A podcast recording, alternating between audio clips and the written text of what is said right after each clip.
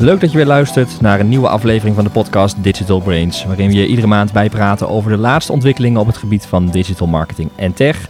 En rechts naast mij de co-host van deze podcast, Niels Hobert. Ja. Hey Niels. Nummer 20 al. Nummer 20, leuk dat je er bent. En als gast van deze podcast, Daan Lohuis, senior stratege bij AdWise. Hey Daan. Hoi Jeroen, hoi Niels. De eerste keer in deze podcast, volgens mij hè? Uh, ja. Maar niet de eerste keer in een podcast, toch? Nee, ik heb één keer bij BNR mogen aanschuiven. Dat is gelijk uh, hartstikke mooi natuurlijk. Maar uh, nee, Digital Brains, ik dacht misschien zelf dat ik ook al een keer heb meegedaan, maar dat was niet zo. Nee, dus dit is echt de eer dat je nu... De eerste. ja. Heel goed. Een soort kritiek achteraf. Ja. ja. Uh, om te beginnen even een rondje, uh, zoals we altijd doen, wat ons opviel afgelopen maand. En dan gaan we uiteraard later op in deze podcast uh, praten over wat nieuwe ontwikkelingen. echt uit ons vakgebied, maar wat ons opviel kan wat breder zijn. Niels, bij jou te beginnen? Ja, mijn dingen die mij opvielen waren ook echt wat breder. Eén dingetje waar ik zelf heel groot fan van ben, de nieuwe reclame van de McDonald's, vond ik echt heel gaaf. Word je ook breder van, van die McDonald's? Word je ook breder van, ja. ja, eigenlijk past het ook helemaal niet echt bij McDonald's voor mijn gevoel. Het gaat echt op gevoel. Ik weet niet of jullie hem hebben gezien. Ja, ik had hem geopend en toen ja. viel me ook al op, dacht ik van, in het begin denk je helemaal van, is dit een McDonald's reclame dan? En in het begin dacht ik, dit wat waarschijnlijk misplaatst ja. of zo. Maar, maar uiteindelijk... Maar beschrijf even wat ah, gebeurt er nou, in de commercial. Het, het, is een, een soort verhaal van twee mensen. Uh, iemand die net bevallen is, dus een heel klein kindje. En de eerste keer dat ze met z'n tweetjes uitgaan, uh, dus oppas. En nou, die, die, die vrouw, en ik herken dit uit mijn eigen situatie, die vrouw vindt dat heel moeilijk. En die gaat direct in de auto al appen, gaat alles wel goed en uh, slaapt ze al. En uh, aan het einde van het verhaal komen ze dus uh, gaan ze weg bij het restaurant, gaan ze niet eens naar binnen en rijden ze door de McDrive, want het is McDonald's natuurlijk. Uh, en gaan ze voor het huis staan om een, om een uh, hamburger op te eten. Met een Big Mac. ja. En ze ja, kunnen kijken naar ja, binnen. Er zit heel gaat. veel gevoel in dat, in dat videootje. Dus dat vond ik echt gaaf. Mooie storytelling. We gaan de link naar de video in de show notes toevoegen. Ja, ja ik zag dat die al vaker werd gedeeld. is al een hm. tijdje geleden uit.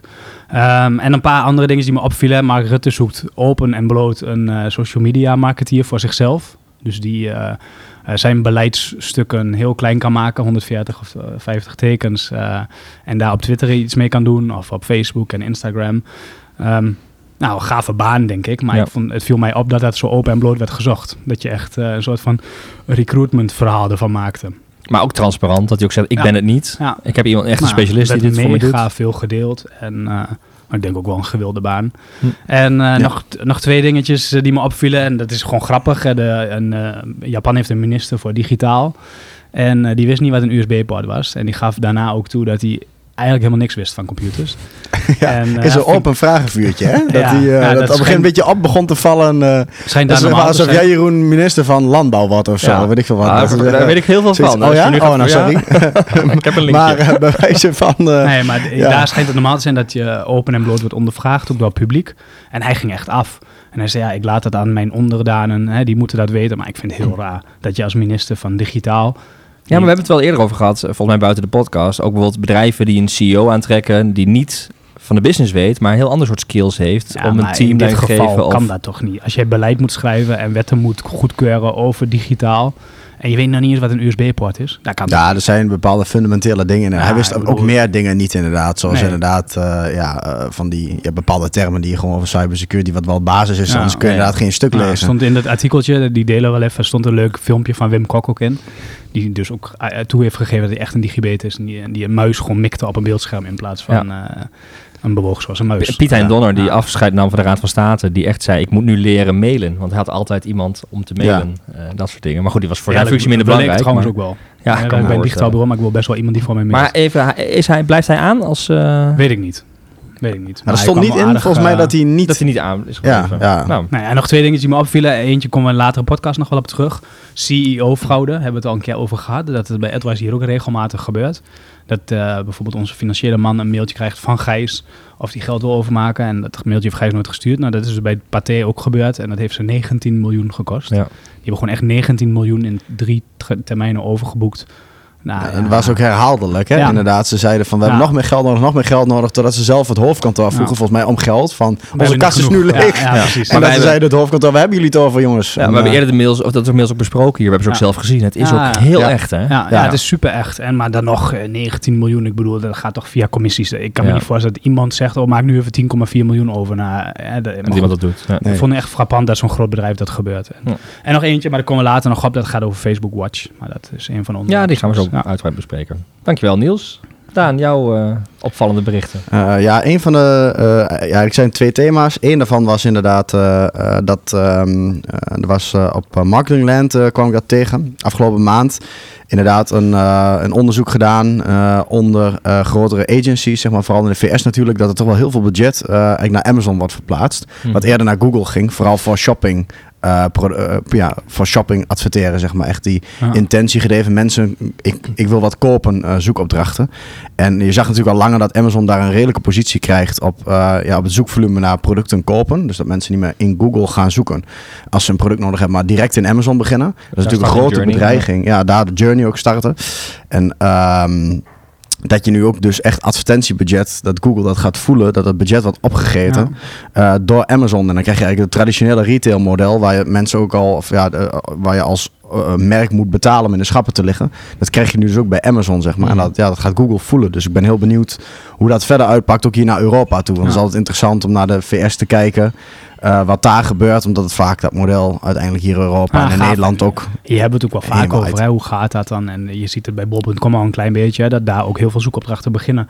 Met name dat, het einde van de journey, dat mensen daar gaan zoeken naar het product. Ja. Dat is wel, ik denk, een heel groot deel van normaal de, de budgetten die Facebook of die Google on, uh, ontvangt. Ja, ja en, en inderdaad, ook in het retail model, het is bijna geen marketing meer. Het is een soort van must. Anders ben je in de winkel zelf niet meer vindbaar. Dan lig je gewoon niet meer in de voorste schappen. dan zit je achter in de winkel. Dus um, ja, dat is bijna geen marketing meer. En, en uh, natuurlijk gaat het wel in marketingbudgetten nog, traditioneel. Alleen daar zie je echt een verschuiving gaande. Echt, dus echt, ik, echt, echt het sales aan. Ja, ja, ja, ja je zei net inderdaad van de journey begint daar, maar eigenlijk ook niet. Het is, ben je er op het einde van de journey nog? Of ben je dan, word je dan weggekaapt door een andere die dat geld wel betaalt? dus, uh, en daar zitten natuurlijk ja, de grote budgetten ook. Dus, uh, ja, maar wel logisch, zelf... hè? want het is uh, transparantie, praat je altijd over online. Hè? Prijstransparantie bijvoorbeeld. is super logisch dat jij als consument naar Amazon gaat of naar Bob.com. Uh, en niet meer via Google de goedkoopste zoekt. Hè. Misschien wel een beetje een, uh, een, uh, een afkeer tegen vergelijkers krijgt. Omdat steeds meer mensen door hebben dat dat niet per se eerlijk is. Nee. Maar jij zegt, de journey begint daar dus niet. Ze gaan niet zoeken naar kleding of naar een nieuw laptop. Eigenlijk zoeken ze echt heel specifiek al naar het product dat ze willen hebben. Dus je weet al wat je ja, wil hebben. Ja, wel. ook van merkzoekopdrachten. Dat ze gewoon een product X zoeken, zeg maar. Uh, weet ik wat, iets van Gillette of zo, als je wil scheren. En dat je dan, ja, dan begint daar niet je journey. Want ja, je bent al op zoek naar een uh, merk, zeg maar.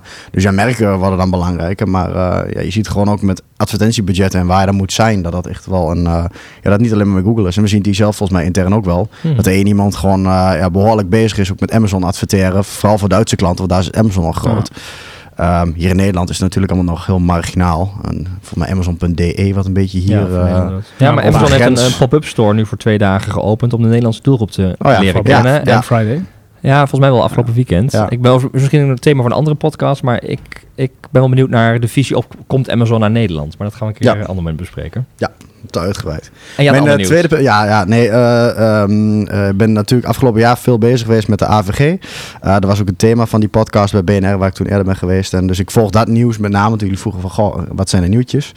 Um, zoiets hou ik al even mijn ogen voor open. En um, nou, de, het ANP, of AP, Autoriteit Persoonsgegevens, heeft onder andere inderdaad even wat uit de doeken gedaan. Dat er inderdaad duizenden klachten en tips in het eerste half jaar binnenkwamen.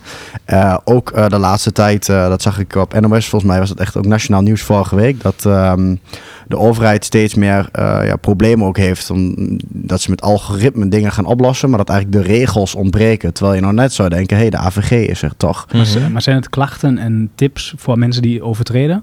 Uh, ja, of klachten dat ze inderdaad dat ik moet aan iets voldoen waar ik helemaal niet aan wil voldoen. Ja, nee, dat ze echt een klacht hebben of van... hé, hey, mijn, mijn, mijn privacy wordt niet gehandhaafd en ik heb... Uh, maar dat je eigenlijk qua boetes dat eigenlijk allemaal wel meeviel. Niet kunnen afmelden of niet weten, niet, niet vergeten kunnen worden. Dat ja, of in nieuwsbrieven staan met je e-mailadres... dat je zegt, hé, hey, je bent er nog nooit geweest, hoe komen die mensen aan mijn e-mailadres? En um, nou was er inderdaad wel één... NOS noemde zelf een voorbeeld van uh, Insinger Gillissen, die bank. Mhm. Die had een dwangsom opgelegd gekregen van 48.000 euro. Of niet alleen opgelegd gekregen, die is ook echt gehandhaafd. Dus die mhm. hebben ze laten betalen, omdat ze echt uh, na een aantal keren aandringen... Ja. Eh, eh, op een gegeven moment wel over de brug kwamen. Dat was echt een aantal weken te laat. Dat was volgens mij 12, eh, eh, 12.000 euro per week of zo, die dwangsom. Mhm. En daar hebben ze echt bewust, ja, kennelijk niet op tijd op gereageerd. Dus eh, u- die hebben ze, UWV boete heeft een dwangsom 150.000 euro Ja. per maand. ja, per eh, maand. Boven het Ja, hoofd. Dat is wel ja. serieus. Maar het valt wel op dat de AP eerst waarschuwt, dan pas een dwangsom op- oplegt. En dat het de organisaties kennelijk nog niet lukt om over de brug te komen met de ju- juiste gegevens. Want Ja, in dus het geval van klopt. Nee, precies. Nee, maar wat daar valt mij ook aan te proberen te stippen is dat zo'n algoritme, het is ook heel moeilijk om dat te vangen blijkbaar Ja. in de technieken die er Anders zijn. dan zouden ze echt, ja, ik, ik weet het niet hoe het is gelopen, maar anders eh, voor zo'n dwangsom, voor dat soort bedragen. Kijk, het is natuurlijk een, een bank, dus die zullen wat ruimer zitten eh, dan ik privé. Maar dan denk ik dat er nog veel geld is elke week, Hmm. dat je dat toch liever zeven weken eerder had gedaan en 48.000 euro. eh, Maar kan het dan zo zijn dat in theorie één persoon zegt van ja, dat was in dit geval zelfs echt zo. In Zingen klacht Gillissen was echt één iemand die had gezegd, hé, dat kan niet. dus dan gaat En- een cowboy vooral gaat wel komen straks. Hè? Ja, maar toch, eh, dit was al voor de AVG. verhaal. Ja, gewoon, ik, ik dacht toen als die AVG straks komt, dan verwacht ik, dan komen er misschien wel zelfs advocaten en die zeggen, nee, no cure, no pay, ga ik achter jouw concurrent aan. Ja, ja. Eh, En ehm, eh, ik zorg wel dat ik blijf pushen totdat er een boete komt. Een boete komt, ja. vind ik een beetje, Dat ja. zijn de cowboys in de Ja, markt. dan. Maar Ja, toch is dat eh, dit grap, grappige, en dat is ook het voorbeeld van het Insinger Gillissen verhaal. Dat is al voor de AVG geweest. Dat is al eind vorig jaar geweest. En in principe, die wetgeving bestond allemaal al Ja. lang. Inzage in persoonsgegevens, dus er is niks nieuws. En je ziet eigenlijk nu met die duizenden klachten, nog steeds zijn er geen dikke boetes geweest. Dus ja, eh, moet je aan het werk, eh, of moest je aan het werk af- afgelopen half jaar? Ja.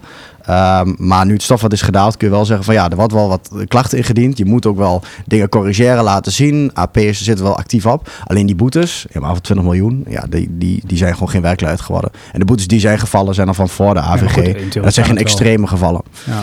Ja, in theorie kan het precies. En de praktijk zie je nu afgelopen half jaar dat dat eh, allemaal wel meevalt. Dus eh, ja, dat vond ik in ieder geval wel interessant om dat Nou, een beetje in de meer, nieuwstroom te zien. persoonlijk meer dan ik had verwacht hoor. Ik dacht, eh, er zijn er echt zoveel mensen die daar echt moeite voor gaan doen, hè, werk van gaan maken. Maar zeven, ruim 7000 klachten, dat is toch, Ja. Dat is, wat zou het zijn, Eh, zes per dag of zo. Ja. Ja, en afgelopen jaar, dat is dan eh, een nieuwe, of afgelopen week was dat, eh, dat de Consumentenbond samen met een aan- aantal andere eh, bonden, zeg maar, in Europees verband ook eh, bij Google nu aan de deur weer heeft geklopt. Dat is dus wat op grotere schaal. Omdat eh, Android-telefoons eh, toch locatie verzamelen, zeg maar, ondanks Ja. dat je daarvoor af hebt gemeld. En dan zegt Google, ja, maar dat is voor andere doeleinden, weerdiensten, dat soort dingen. Ja. Natuurlijk, dat is op zich logisch, maar het wordt wel bijgehouden op een of andere manier. En het, is nog onduidelijk ergens, ja. wat Google daar precies met die data doet. Dus ze toch stiekem daarmee adverteren, et cetera.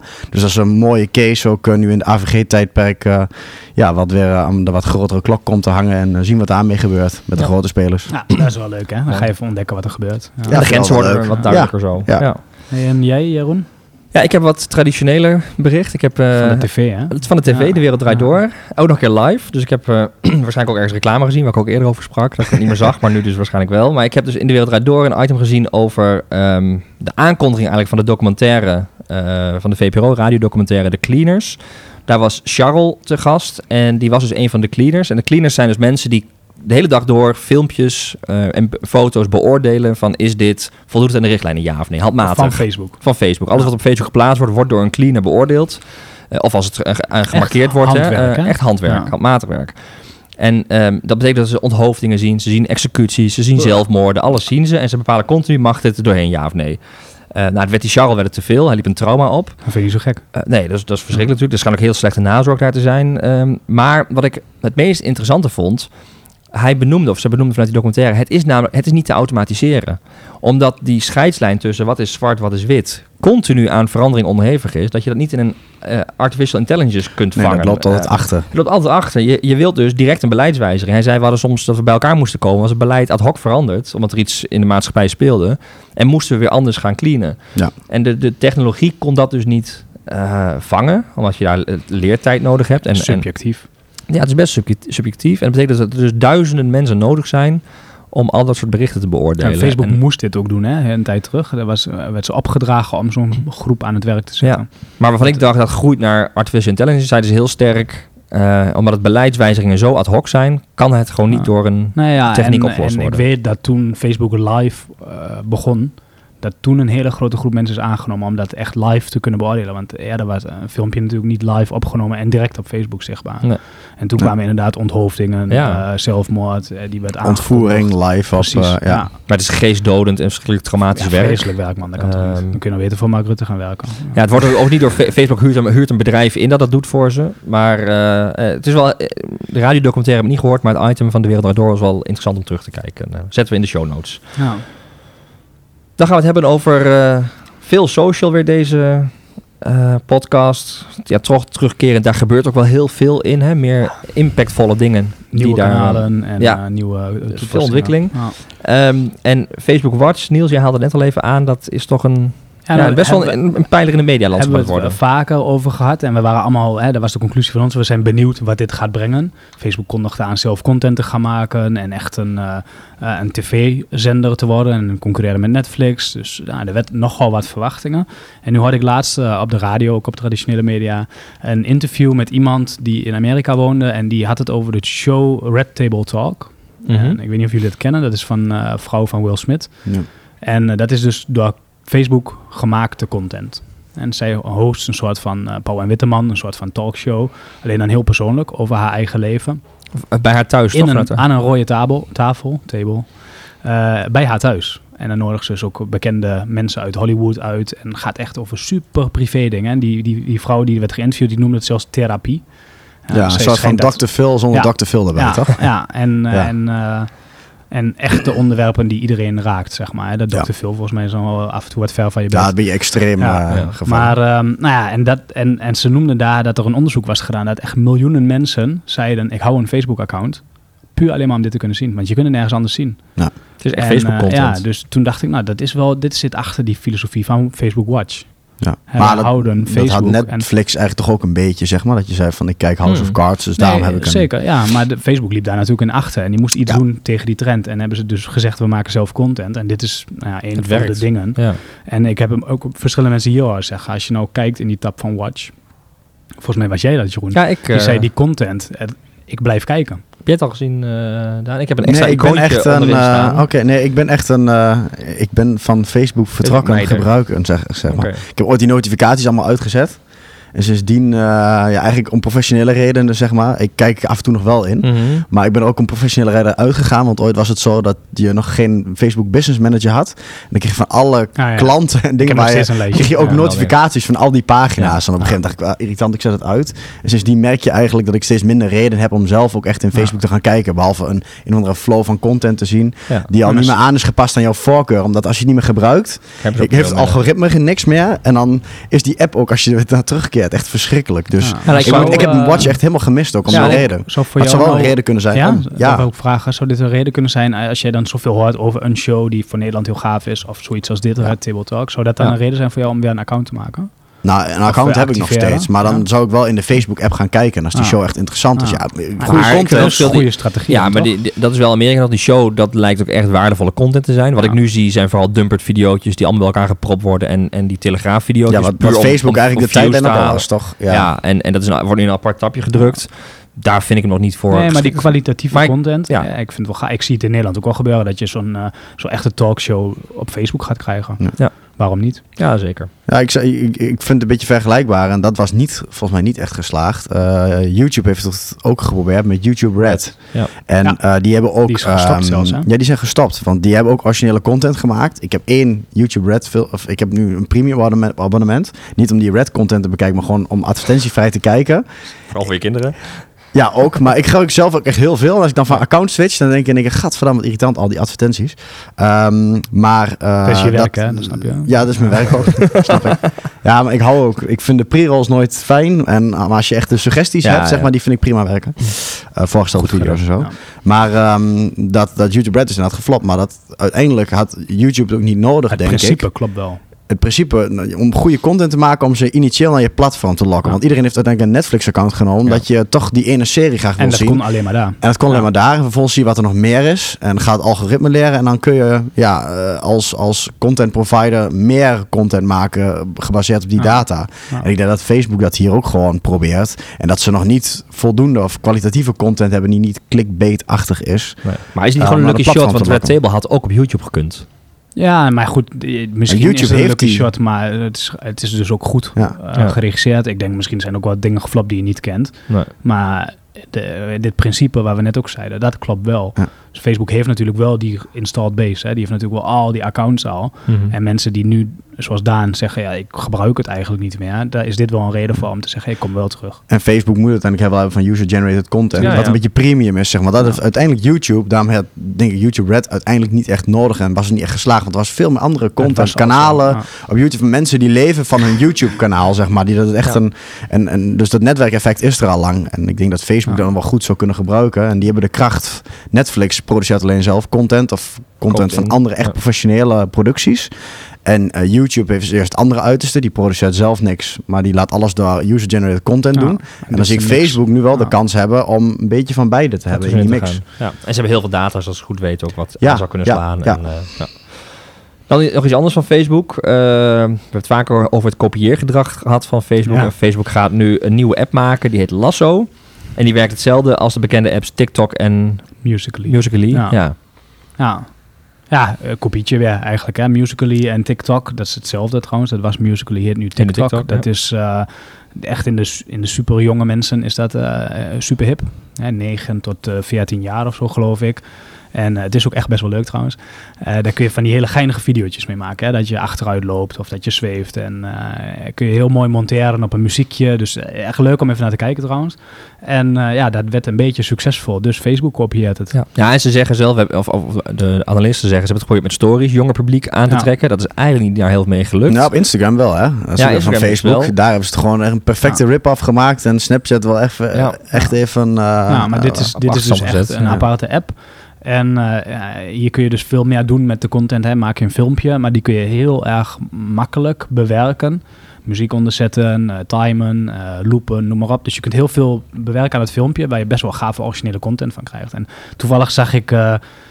in Amerika is dit al heel groot, hè, TikTok. En ehm, eh, was echt een soort van awardshow voor de, de beste. Een beetje zoals Mhm. eh, onze generatie, eh, de, hoe heet het ook alweer, die, dat autoprogramma, Top Gear, kent? Top Gear, daar had je toch de stick met die helm op. Ja. Niemand wist wie het was. Ja. En daar had, je, daar had je dus hier ook iemand die zo'n account had, die altijd onzichtbaar was. En die maakte zich daar bekend. Nou, stadion vol gillen en, en juichen. En ik zag, ja, als marketeer moet je dit ook weten. Want dit is wel een manier om je allerjongste doelgroep eh, te Mhm. bereiken. Ja, en ook die generatie die dat gewend is. Dat zie je ook een beetje met Snapchat, zeg maar. Ja. Ja. Er is een hele generatie die nu dit aanleert als... eh, Als de standaard. als, ja, als de standaard. Die komt er, ja, en dat komt eraan. Eh, die zijn over vijf jaar. Zijn dat, marketing. Ja, ik Ja? hoorde dat laatst voor het eerst, maar dat, is, eh, dat, dat, dat betekent precies dit. Content die eventjes bestaat, snackable is en weer verdwijnt. dat hele principe achter story is toch ook Ja, eigenlijk, eigenlijk dat. 24 Ja. uur en dan... Ja. Of, Ja. Nou ja, Ja, een- logische stap, maar uiteindelijk ja, de vraag wie overeind blijft natuurlijk. Ja, maar dan ben je natuurlijk wel als Facebook zijn zo groot dat je het makkelijk met grote budgetten Ja. misschien nog wel net iets beter kunt maken. En je hebt die bestaande accounts al. Je hebt die, die bestaande. Ja, en ook voor de volgende generatie. Precies, Misschien voor ja. die jongens, Dus eigenlijk- jongsten nu, zeg maar. Ja. Die vinden dat TikTok is natuurlijk een soort van merk. Dat is, dat is cool, dat is hip. Als Facebook iets maakt, toch wat minder. Maar goed, die, die groeien ook op. En dat soort producten en, en Ja. digitale diensten, zeg maar, gebruiken ze later ook weer. En dan als Facebook hier niet meer experimenteert, Ja. dan... Ah, Lasso achter. gaat het heten. Hè? Lasso, Ja. ja.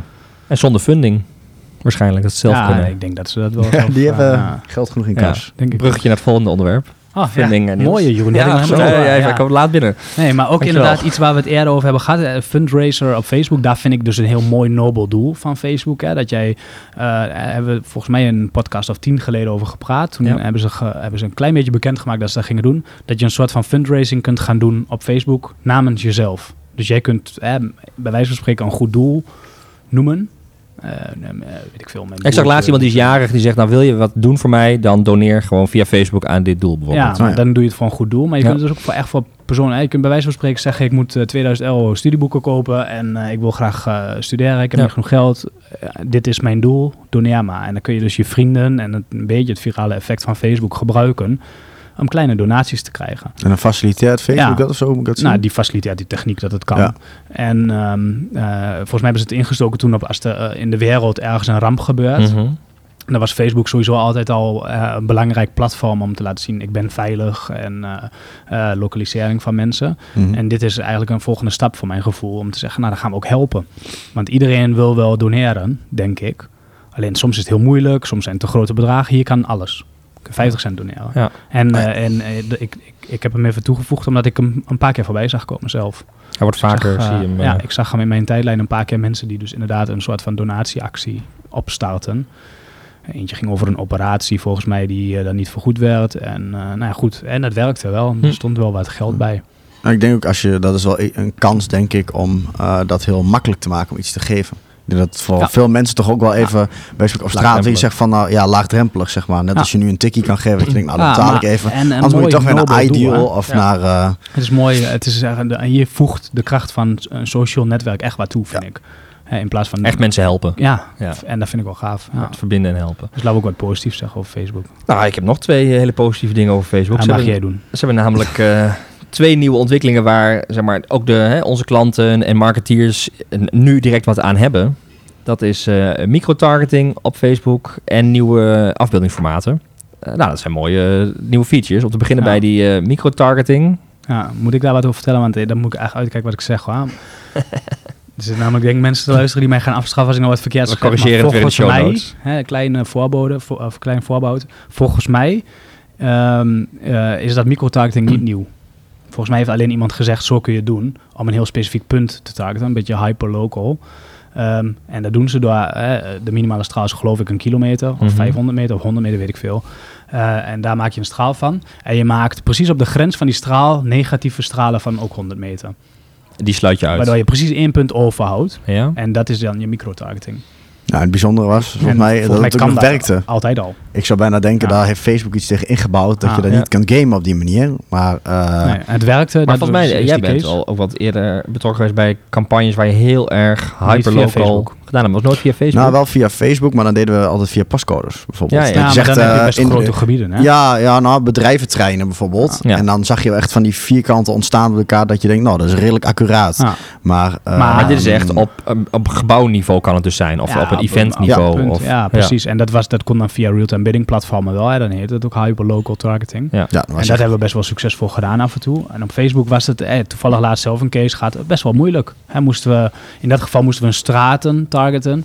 Eh, Voor, eh, voor, eh, nou, ik zal niet helemaal uitweiden over het onderwerp, maar eh één huis wel, ander huis niet. Dat was een beetje de, de opdracht. Nou, goed, je kunt adressen uploaden, je kunt postcodes uploaden. Maar je kunt eigenlijk niet zeggen eh, de buurman niet. Nee. En Nee. dat kan hier denk ik nog Maar steeds die straal, want ik dacht dat bij Facebook de straal sowieso groter was. Hebben ze ook niet de Ah, straal verkleind, waardoor het nu... Dat weet ik niet, maar dat hoorden we Maar eigenlijk zeg jij, het is nee, ik zie Wouter ook schudden. Nee, de straal is niet aangepast. Het is meer een hack, een workaround, waardoor Ja. je dit dus kunt Ja, dat doen. was volgens mij hoe het deze werkt. Ja, en die verrassend genoeg wel werkt dus Ja, inderdaad. ja, Want, dus wel eh, gaaf. nou, goed om te En weten. Mooie Ja. toepassing. Ja, als je heel lokaal eh, iemand wil Ja. bereiken Ja. in een gebouw, dus Events of events, scholen. dat je eh, weet, daar zit de doelgroep op dat moment Ja. in grote getalen, Ja. met z'n allen bij elkaar, zonder echt veel ruis. Dan heb je heel weinig advertentiebudget eigenlijk. Kost even wat om wat op te zetten. ja, je moet de heel tijd. de, de tijd zit in de targeting. Ja, ja, maar dan heb je gewoon 100% eh, Ja. effectieve Ah, en het past bereik onder een die groep. beetje bij een trend die je wel ziet, hè? account-based marketing. Dat je zegt, we targeten een, een bedrijf voor, Ja. om onze dienstverlening aan te vullen. Ah, hè, dat kunnen we als AdWise ook kunnen doen. En dan eh, kun je gewoon naar het hoofdkantoor bijvoorbeeld targeten. Ja, ja en de, en de grap is wel, wat gebeurt er als wij hier bijvoorbeeld eh, als een of andere online marketing eh, tool of zo, in één keer binnen AdWise in het hele pand, dat iedereen dat een week lang Alleen maar in de tijdlijn Ja. elke keer ziet, zeg maar. Ja. Dan wordt het toch een gesprek. En dat is altijd een Maar beetje... dacht je, recruitment van mensen bij, bij, bij bepaalde, ja, op bepaalde kun je het ook nog plekken? inzetten. Ja. Ja, ja. En dan wat anders, het nieuwe afbeeldingsformaat van eh, Facebook was al langer aangekondigd en er werd al veel naar uitgekeken. Eh, maar ze hebben nu een nieuw formaat. Dat is een één, staat op één een vierkant eh, voor de link ads ook. Dat was altijd een liggend formaat. Dat is nu een vierkant geworden. Ah, update. En, en ik, ik kreeg inderdaad in de kanalen hier, doordat de marketeers die daarmee bezig zijn, heel blij zijn hiermee.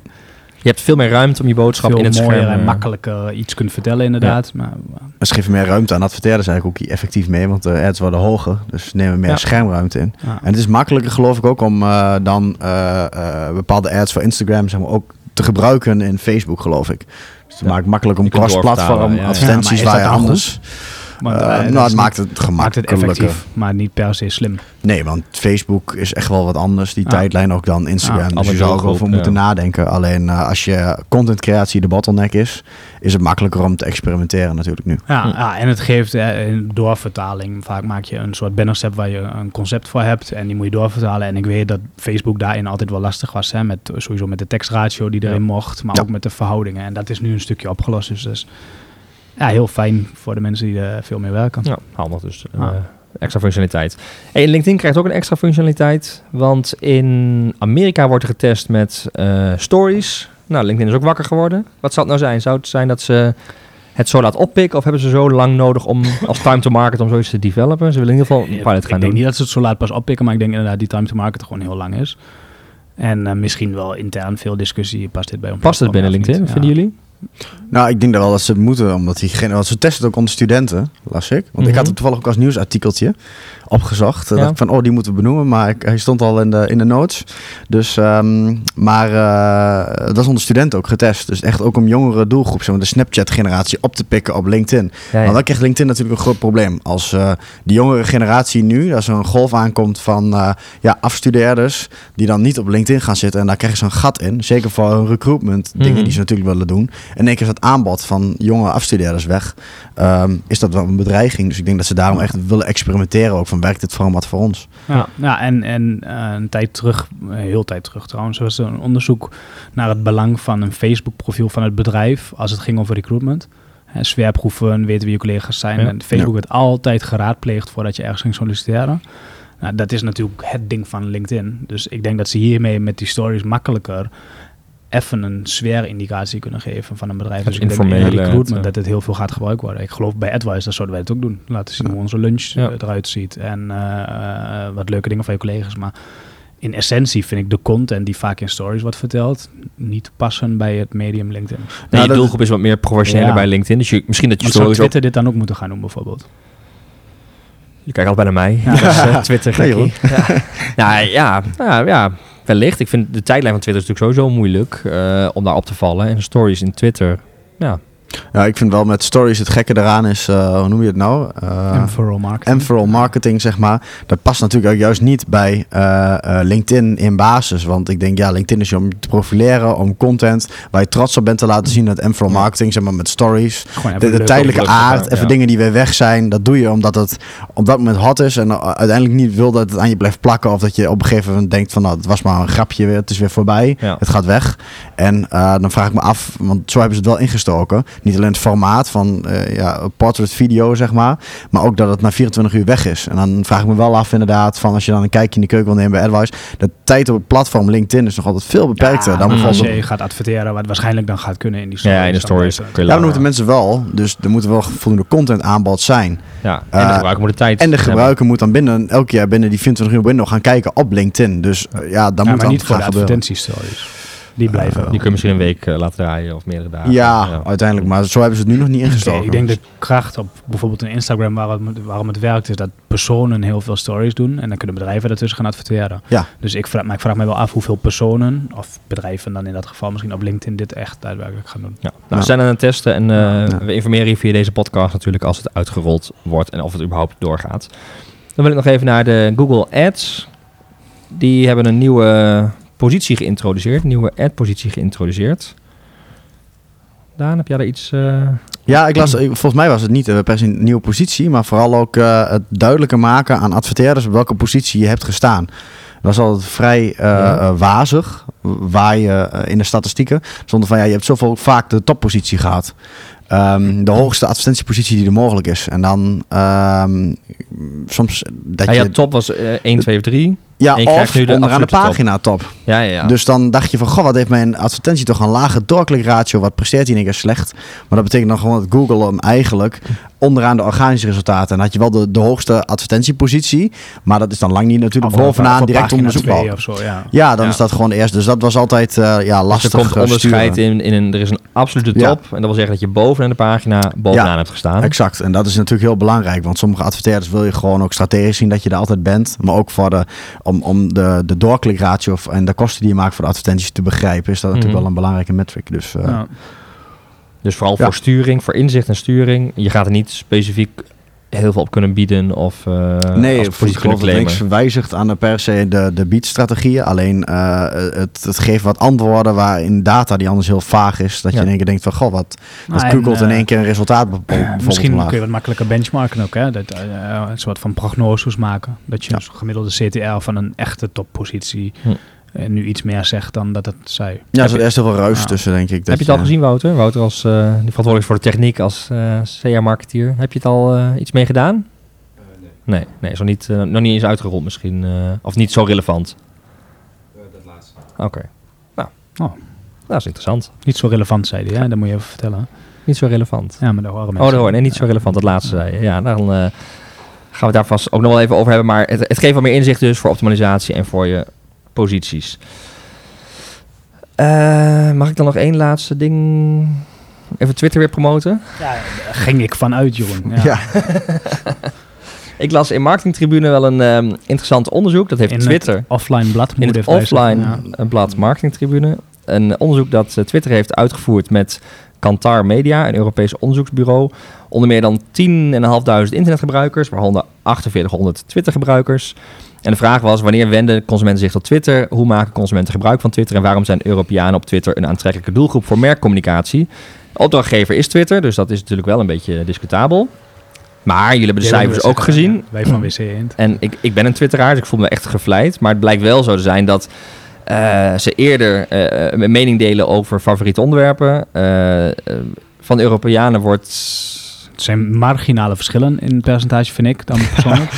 Maar nee, niet om eh, dat af te kraken. Nee, ik vond vooral... Als Ze ontdekken sneller nieuwe dingen, Mag- zijn ruimdenkend. Ja, Ja. ja. Maar- compliment aan mezelf Zeg maar, dit, nee, hoor. maar- Maar- zeg maar de conclusie vond ik heel mooi. En dat heeft echt marketingwaarde. En wat de directeur van Twitter zelf zei. Die zei, eh, eh, moet ik even goed zeggen. Waar andere platformen vaak draaien om kijk mij eens. Draait Twitter om kijk daar eens. Ja, dat, dus je dat krijgt wel wel een ja, mooi verschil. Ja. tips en aanbevelingen. En je gelooft eerder wat er daar wordt gezegd over iets anders dan dat je dat Maar ik heb ook altijd gezegd, Twitter gebruik ik als mijn extra oren en ogen. Ja. Want ik hoor en zie dingen die ik niet ergens anders zie. En Ja. op Facebook zie ik de dingen die al op kantoor gedeeld zijn Ja. of in mijn vriendengroep gedeeld zijn. die passen in jouw profiel. En, Ja, ja. Dus Ja, en ik vind over het algemeen, om jou toch even eh, een soort van weer een boost te geven. Ik vind sommige eh, nodig. reacties op Twitter zeg maar ook net wat intelligenter en wat Ja. minder. Omdat je vanuit eh, Facebook, vanuit je persoon eh, eh, reageert. En Ja. wordt het soms juist gek genoeg wel een beetje een lamp. Of iemand dan gewoon een lamp een mening ventileren om jezelf Ah, goed te laten meegaan. lijken. Lekker Ja. makkelijk meegaan. Je, je, je mengt je al snel in een so- sociaal gelijkgestemde discussie zeg maar.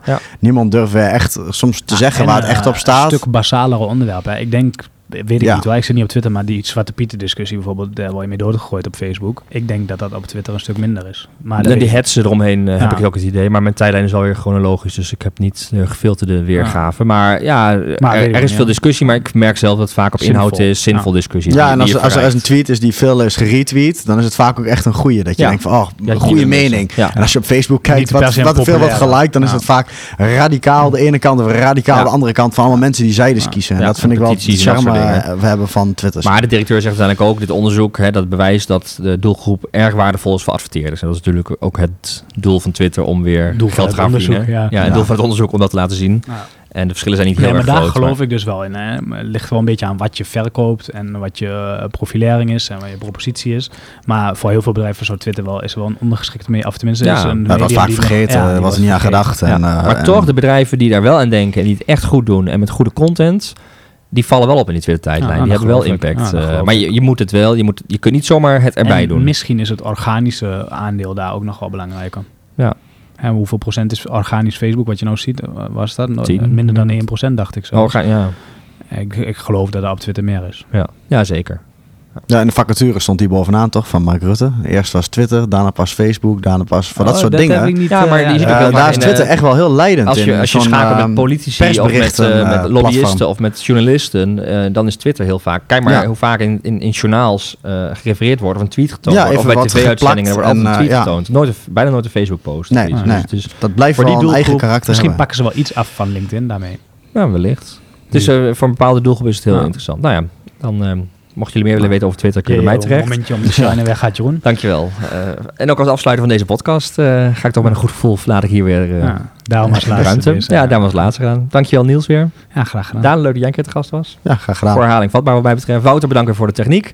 Ehm, en eh, ja, zoals altijd worden de onderwerpen die we besproken hebben deze podcast, die staan vermeld in de show notes ehm, bij de podcast. Daar kun je dus naar de linkjes doorklikken, kun je er meer over lezen. Ehm, en we vinden het heel fijn als je ons beoordeelt eh, met wat sterren eh, in je podcast-app. En niet alleen om ons te beoordelen, maar ook om deze podcast voor andere mensen beter vindbaar te maken. Eh, en abonneer je ook op onze podcast via eh, Spotify, eh, Soundcloud eh, of andere podcast-apps op je telefoon. Dan blijf je ook automatisch op de hoogte van de volgende Ja. podcast. Zullen wij hem ook even delen via Twitter? Ja? Ja, heel goed. Ja. Graag. Dat zal echt een boost geven. Dank u voor het luisteren en graag tot de volgende podcast.